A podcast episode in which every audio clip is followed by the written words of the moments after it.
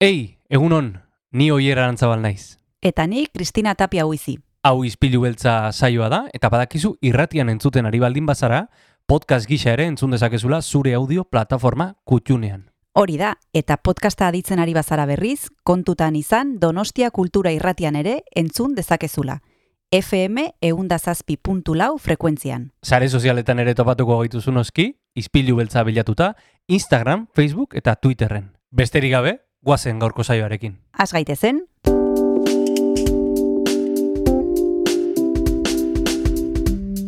Ispilu beltza. Donostiako kulturaren berri, Oyer Arantzabal eta Kristina Tapia buizirekin. Egun honen entzule, asteazkena da, ekainak zazpi ditu eta bagatoz berriz ere izpilu beltzarekin. Donostia kultura irratian.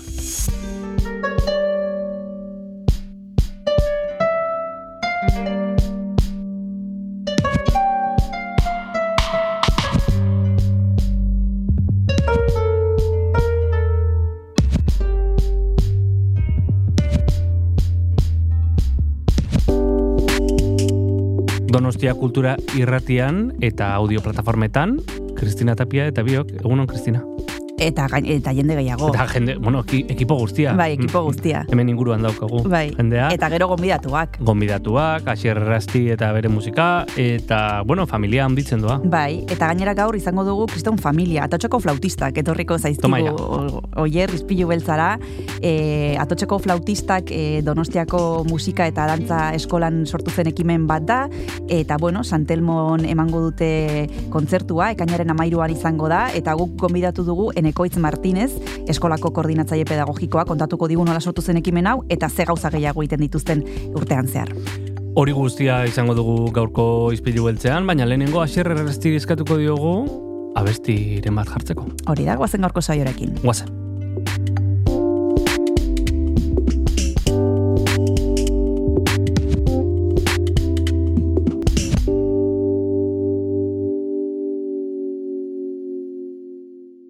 Kaixo entzule, asteazkenon iritsi da ispilu beltza, eta honekin batera baita musika ederra ere gaurkoan, deine taldearen zu kantuarekin emango dugu hasiera gureari.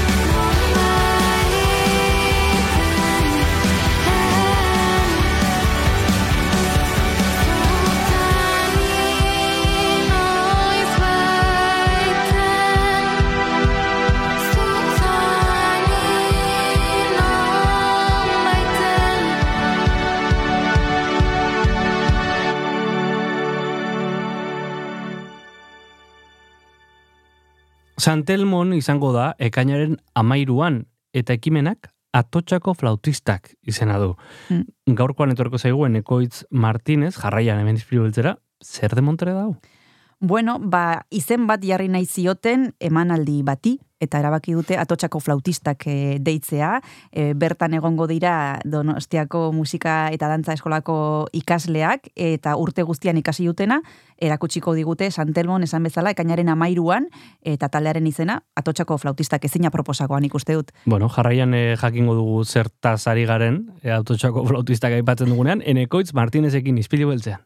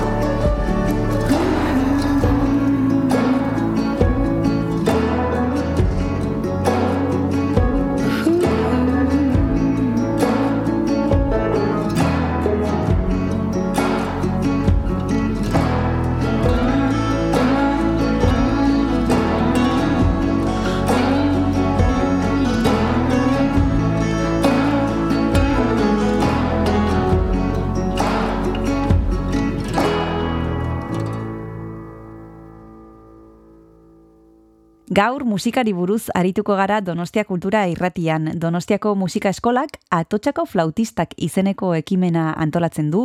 Aurtengoa, ekainaren amairuan izango da, zazpietan Santelmo Museoan. Eta guk Enekoitz Martinez Musika Eskolako koordinatzaile pedagogikoa gonbidatu dugu izpilu beltzara. Egunon Enekoitz, zer modu zaude? Egunon, gaixo, sono, mi esker. Bueno, izen horrekin etortzen zaizkik burura hainbat gauza, baina goazen esplikatzera enekoitz baldin norbait badago beste aldean ez dakiena zer den atotxako flautistak, e, zer da ekimena hau hain zuzen ere, kontatu pixka bat.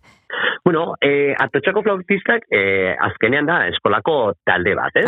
Eh, gauza da, eh, bueno, 2012an sortu zen talde hau, flauta irakasleek eh, nahi zuten pixkat indartu ba ikasleek e, euren artean ere, e, bueno, klaseaz jun, ju, jutea zarata, ba, taldean aritzea, ez? Mhm. Eta noski eskolan badozkagu talde pila bat, orkestak, bandak, konboak, eta ohitura beti izan da deitzia, pues, adibidez egiten ditugu, zaizkatzen ditugu taldeak adinean arabera, ez? Oso arrunta da eskoletan egitea adibidez. Ba, daukagu banda txikia, banda gaztea edo banda heldua. Bai?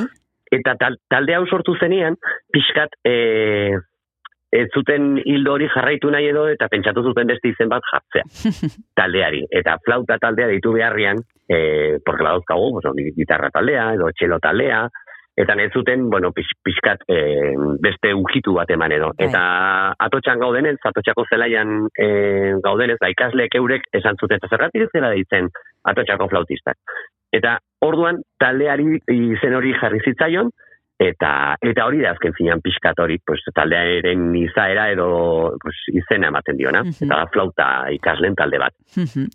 Eta ze suposatzen du kurtsoa amaieran, e, bueno, emaitzak e, erakustea, hori alde batetik, baina gero e, Santelmon egitea, hori Santelmon museoan, e, ja, bueno, e, kontzertu formal bat, ez, e, eta lekuak ere pentsatzen dut e, inposatuko duela pixka bat, edo ez, e, ez dakit e, beraientzat e, no, no, nola ikusten duten e, Santelmoaren asuntoa, eta bueno, eta jendea e, guraso ez gain e, joateko aukera izatea, bueno, nola bizi dute hori guztia?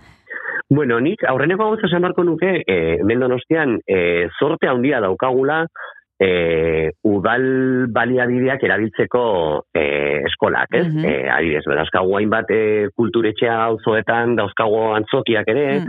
antzoki zarra edo bitero Eugenia, Museo Santelmo, orduan daukagun ekipamendu kulturala edo sarea donostian, e, handia da, eta oso lankide onak ditugu, eta usten dizkigute, ba, espazio hauek gure kontzertuak egiteko, edo udal batzaretoa eura ere, Mm, Eta noski hau ikaslentzat zer suposatzen du? Ba, alde batetik, e, zuk zenion, e, dakit, e, tentsio moduan, edo, edo Bai. ze, ikara. Bai. E, hori baino nik esango nuke asko zer ilusioa pizten duela e, ikasleengan.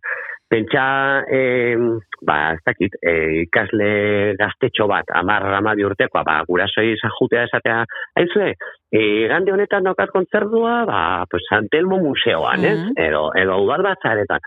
Ba, bueno, ba, garrantzi puntu bat, ez, e, e, ez dakit, e, arrotasuna, Mhm. arrotasunez uste dut bizi dutela. Eta mm, batez ere hori, pues, zorte handia da guretzat ere erabilan izatea espazio guzti hauek. Mhm. Gainera ere, atotxako flautistak talde hau, niretzat oso gauza beratxa dauka, e, adinez ere aipatzen duen, ez? Baina badauzkagu, dauzkagu talde horretan, ba, amabia mairu urteko ikasleak, baina baita irurogeita bostekoak talde berean. Mm, Musikak e, beste disiplina batzuk ere ema- emango dute aukera, baina musikan behintzat oso esanguratsua da niretzat, ikustea hori adinak ez daukala, ez dula trabarik egiten. aha. E, musika jo dezake e, nerabe batek, e, pertsona oso heldu batekin batera. Mhm. Edo e, gizona edo emakumea izatea. Edo Bai. atzerritarra eta Bai. musika azkenean hizkuntz propio bala. Eta musikak ematen gaituen ba, e, elkar puntu hori, ez? Bai. Non denok izan gaitezke talde baten partaide momentu batean, eta ez daude traba gehiagirik. Mm. Ba, hori, eramatea, plazaratzea, ba, Santelmo bezalako to, pues, batean, ba, ni uste dut, e, hori, ilusioa dela mugitzen duena guzti hau. Aipatu duzu gauza interesgarri bat enekoitz eta da taldean badaudela adin ezberdinetako pertsonak. E, nola Bai. da harreman hori? E, bueno, pentsatzen dut e, bitxia dela, baina batez ere polita, ez? E, hori da, e, azkenean, ba, e, eldua den pertsona bat, eta taldean dauka, pues, bere seme alaba edo hilo den adin bereko e, ba, kideak, Mm. ba, noski ematen da e, laguntasuna zaratago dijoan erlazio bat askotan, ez? Mm. E, non batek bestearen zaintza e, hartzen du ere, ez? Mm. Eta edo elkarri datoz e, auzo berdinekoak direlakoz, ba, eskolara bidean, ba, badatoz e, pues elkarrik. E, Mhm. Hori, pues ama hiru urteko pertsona bat, e, pues bere bizilaguna den e, berrogeita bost urteko beste pertsona batekin. Mhm. Eta bitartean ere elkartzen dira, ba, hogeita bi urteko beste batekin. Mhm. Uste dut hori dena, errazioak aberasten dituela, eta gero ere emaitza artistikoan ere bere izla da daukala. Mm. E, laguntasun edo e, e, gertutasun hori e, bide batez ematen dela. Eta noski eskertu behar dugu asko gure irakaslek egiten duten lana. Hori dena e, sustatu eta gero e, e, egia bihurtzeko, ez? Mhm, mhm. Así que, pues, guretzat, hori, esaten dizu, ana, pla- plazerra hainbeste talde eukitzea, eta bueno, talde hau, egia esan, e, orain ikasturte bukaren emango du kontzertu hau pixkat, e, borobiltzen duena ikasturteko ibilbide guztia. Ja, Baina abenduan, pues, parte hartu zuten lagun joia deitzen dugun kontzertu zikloan, non Mhm. erresidentzitera juten gara, ez? Mhm. Adin, adinduen zentroetara. Mhm. E, e musiken orain euki dugun jaialdian ere Bai. parte, parte hartu izan Bai. dute. Eta, bueno, badokate bere u- ikasturtean zehar, edo kaldereroetan kale jiran ateratzen hemen egia auzotikan. Mhm. E, eta, bueno, e, orain dela urte batzuk, bine emazortzian, e, Europan e, esnek irian Holandan, Mhm. ospatu egin zen e, el Festival Europeo de Escuelas de Música, Mm. de, deitzen zena. Mhm. Eta bertara juntziren ere, pues, pues beraien eh, jardun erakustera edo eh, bertara. Mhm. Así que bueno, badaukate naiz eta hori eskola baten egiten dugun lana amater edo afizio moduan, ba, badauzkate aukerak kanpora irtetzeko edo espazio oso polietan eh, ba, beraien kontzertuak emateko.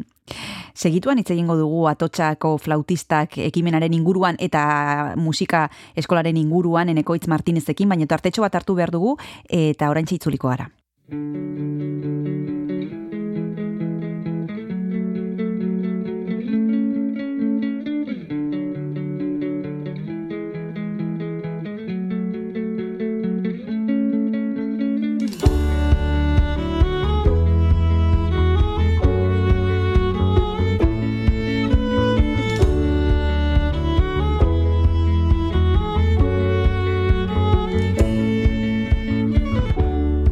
Behatzakotz leioa bero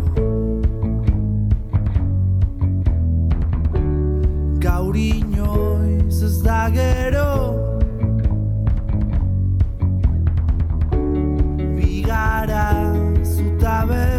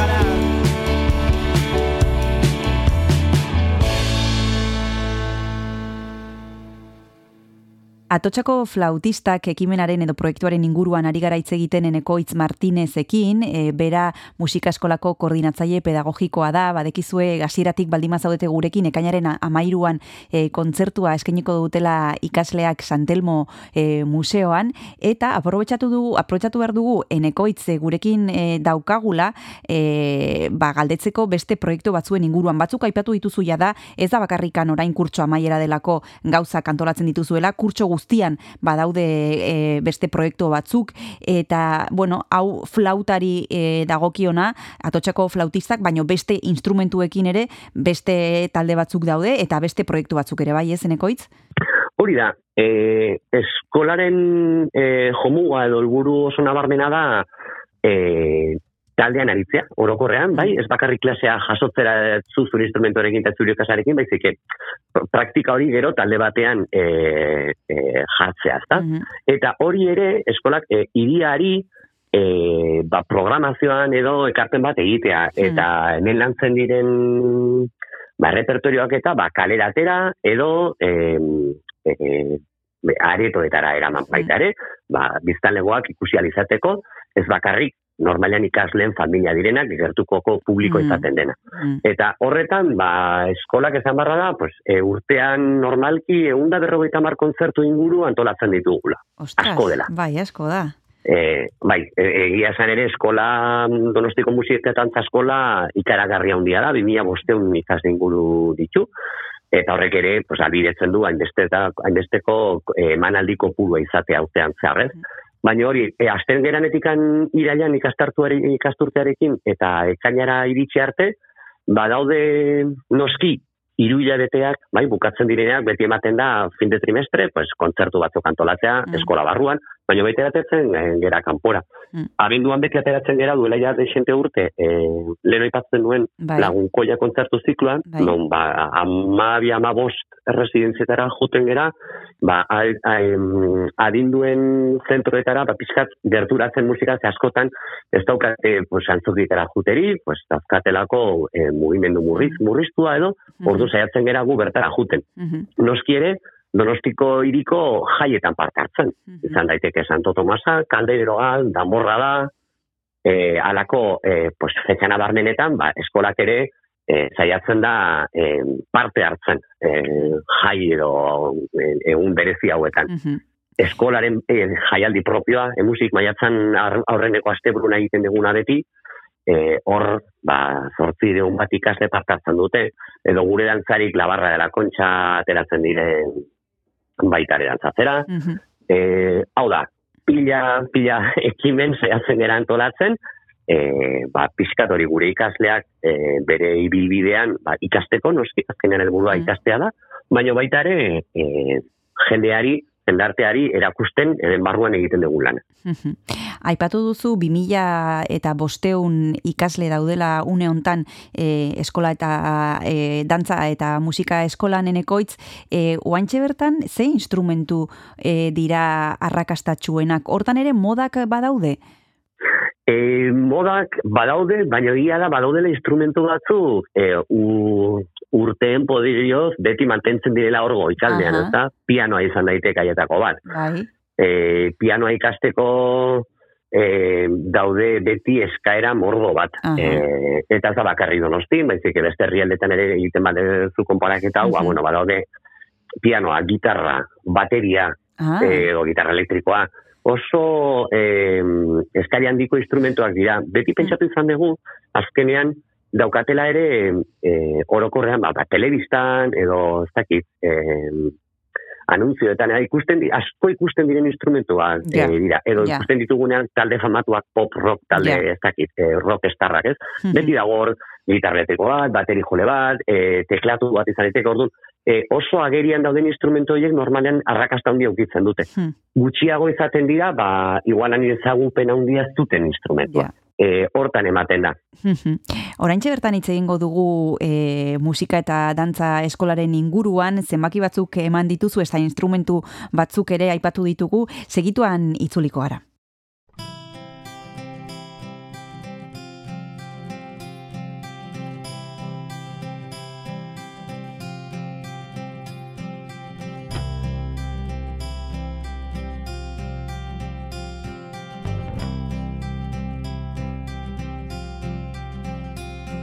Goizetan Izpilu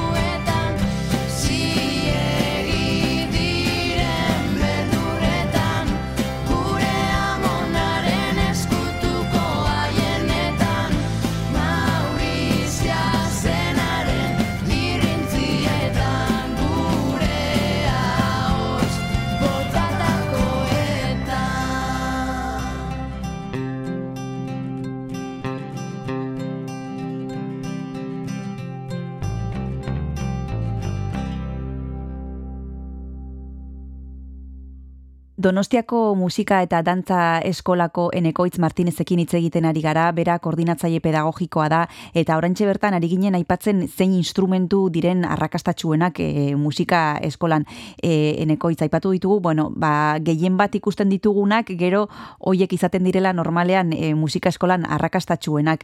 E, nik ezakit e, hortan generoak e, baduen eragina. E, neskek aukeratzen dituzte instrumentu batzuk, mutilek beste batzuk, edo hori ere pux- pixkanaka pixkanaka apurtzen ari da.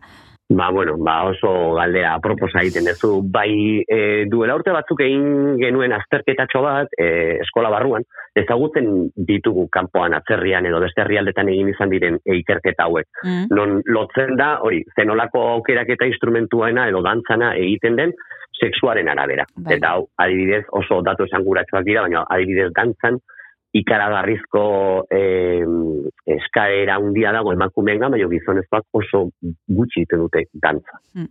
Eh, oso datu eh, aipagarriak, Mhm. bai? E, gure eskolan nahi ez dakit, baina buruzari naiz, baina badantza klasikoan, pues, Mm. e, euneko laro gehieta maseia Ja. emakumeak dira eta bakarrik iru koma piko gizonezkoak. Mm.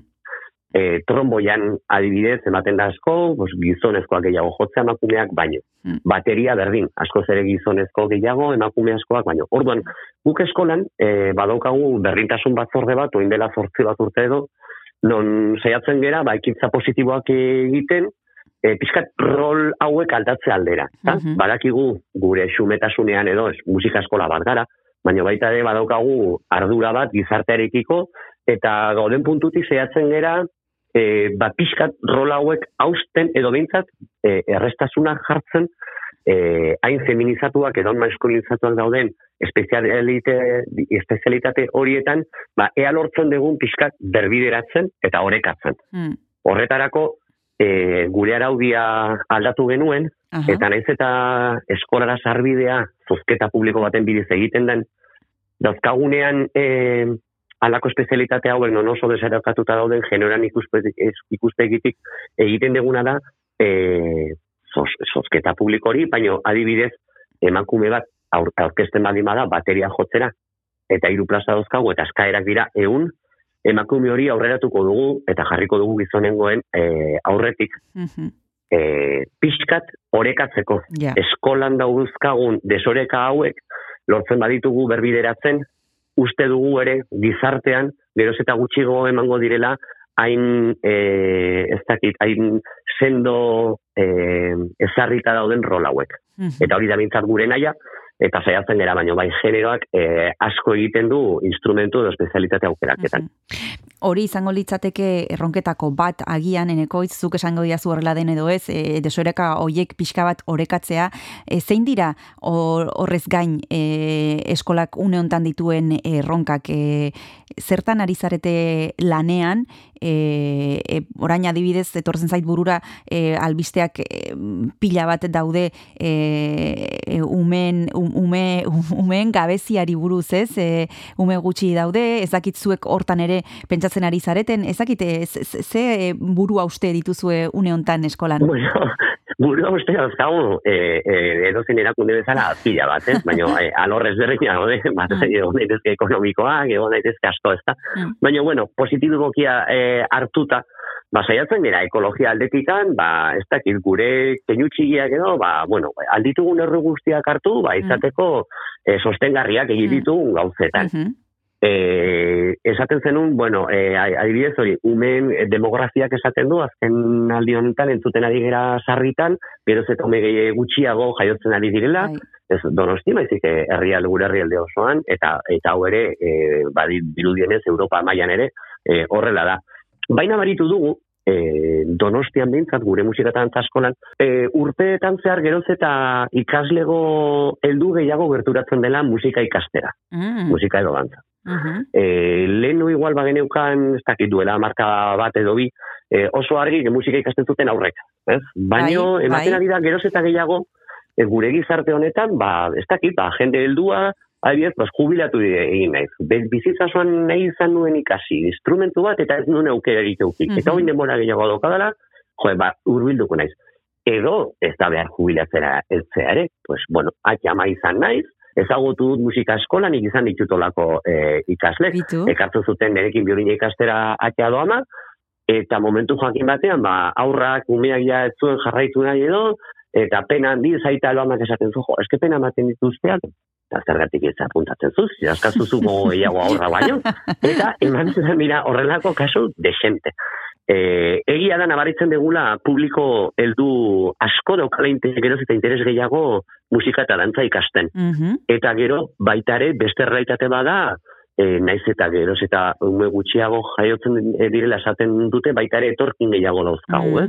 Mhm. Eta eskola basaiatzen da ere e, basardibia ematen e, ba, kanpotik etorri diren familia hauek, eta igual ez, ez dute hain garbi edo hain ondo ezagutzen ba, iriak e, ema, em, eskuragarri jartzen dituen zerbitzuak, ezta? Mhm. eh, orduan, pues, badauzkagu ere programa pixkat, eh, ba, gure prezio publikoen bidez, prezio, prezio sozialak, ba, erresten, igual zailtasuna dauzkaten familia, ez, ez esaten dut etorkina, porque ematen da, kasu hau, Mhm. bai, eh, non, bueno, pues, baliabide gutxigokin iristen dira, igual ezagutza gutxigo ere, eh, zerbitzuak eh, zeitzu diren ez, eh, eh, irian, eta eskola saiatzen da pixkat hau, eh, eh, erresten, adibidez, Mhm. ekialdi barrutian herrera altzaintza horrendon daukagun ere horretan eskolak, ba, musika gertu programa daukagu. Non urbiltzen gara ikastetxetara, eta beraien otordu orduan, eh, ematen dizkiogu eh, instrumentu klaseak, eh, pues igual maila sozioekonomiko pixka bajuago duten pertsone, ba, ezagutzeko, eta gero eh, grina hori pizten bat zaie musika ikasteko, ba, piztikaz erresteko bide hori. Mhm. Aipatu duzu gauza bat, e, neko hitz interesgarria eta da batzuetan gurasoek gogo gehiago dituzte aurrek baino orain e, gaudela ja datorren ikust, ikasturtea antolatzen eta izen emateko epeak e, zabaltzen ari dira, hainbat lekuetan e, komeni da e, aurrak nahi badu apuntatzea instrumentu bat ikastera edo dantza ikastera edo guk nahi badugu hori e, nolabait ere e, mm, bueno, bortxatzea e, ze, ze efektu izaten du olako gauzetan eneko izure ustez batzuetan esan duzut gurasoek gogo gehiago ditugula eta gero horrek Eh, ze suposatzen bai. du bueno, a ber, argi dago ere, eh, ez dakit, eh, ni, ni ez nahi zaita, ez doztatzenean labit, eh, ez nahi hartuko eh, aita edo ama batek egin behar dunan eh, edo ez, ez? Baino nik nire kaso aipatuko dizu, ni bi, biolina ikasi nuen, ez nik aukeratu nelako, ez baizik nire gurasok.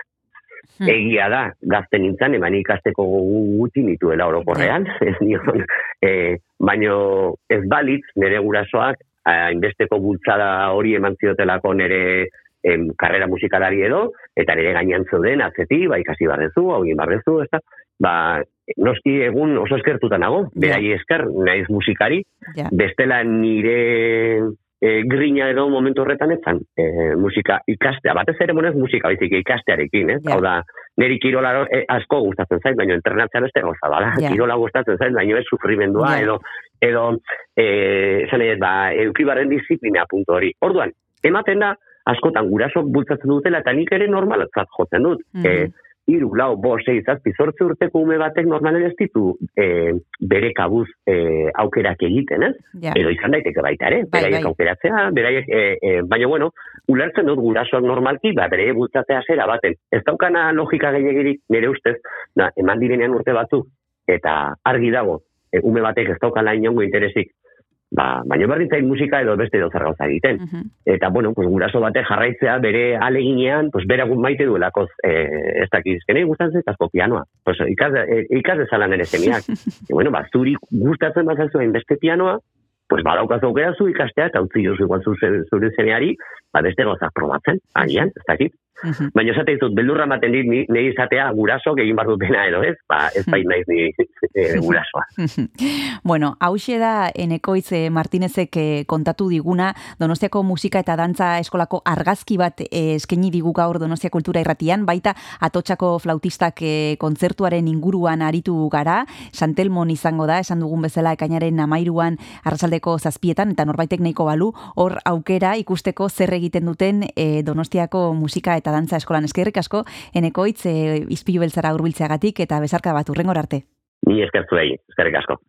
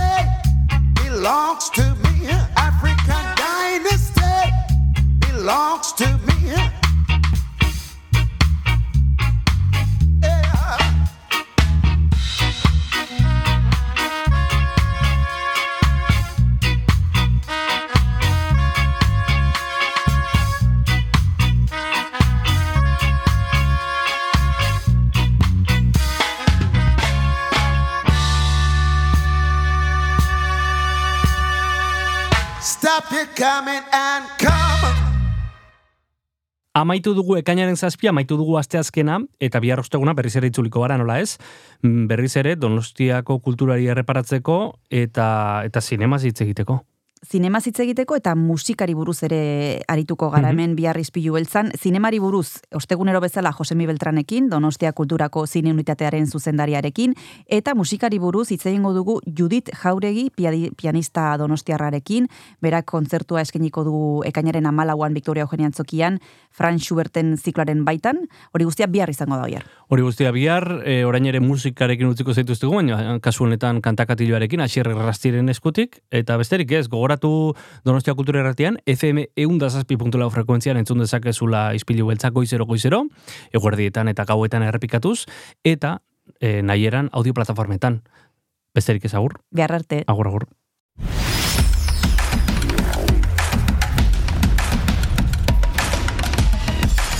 Donostia Kultura Irratia. Zabaldu gurekin Donostialdeko kulturaren leioa.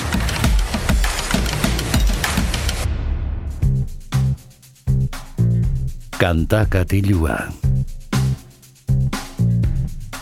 Kaixo entzule, ongi etorri kantakatilura. Badakizue gaur asteazkena izanik musika klasikoa izango dugula izpide hemen Donostia Kultura Irratian eta horretarako gaurkoan ba Errusiara egingo dugu bidai, bertakoa zelako Sergei Rashmaninov konposatzaile handia.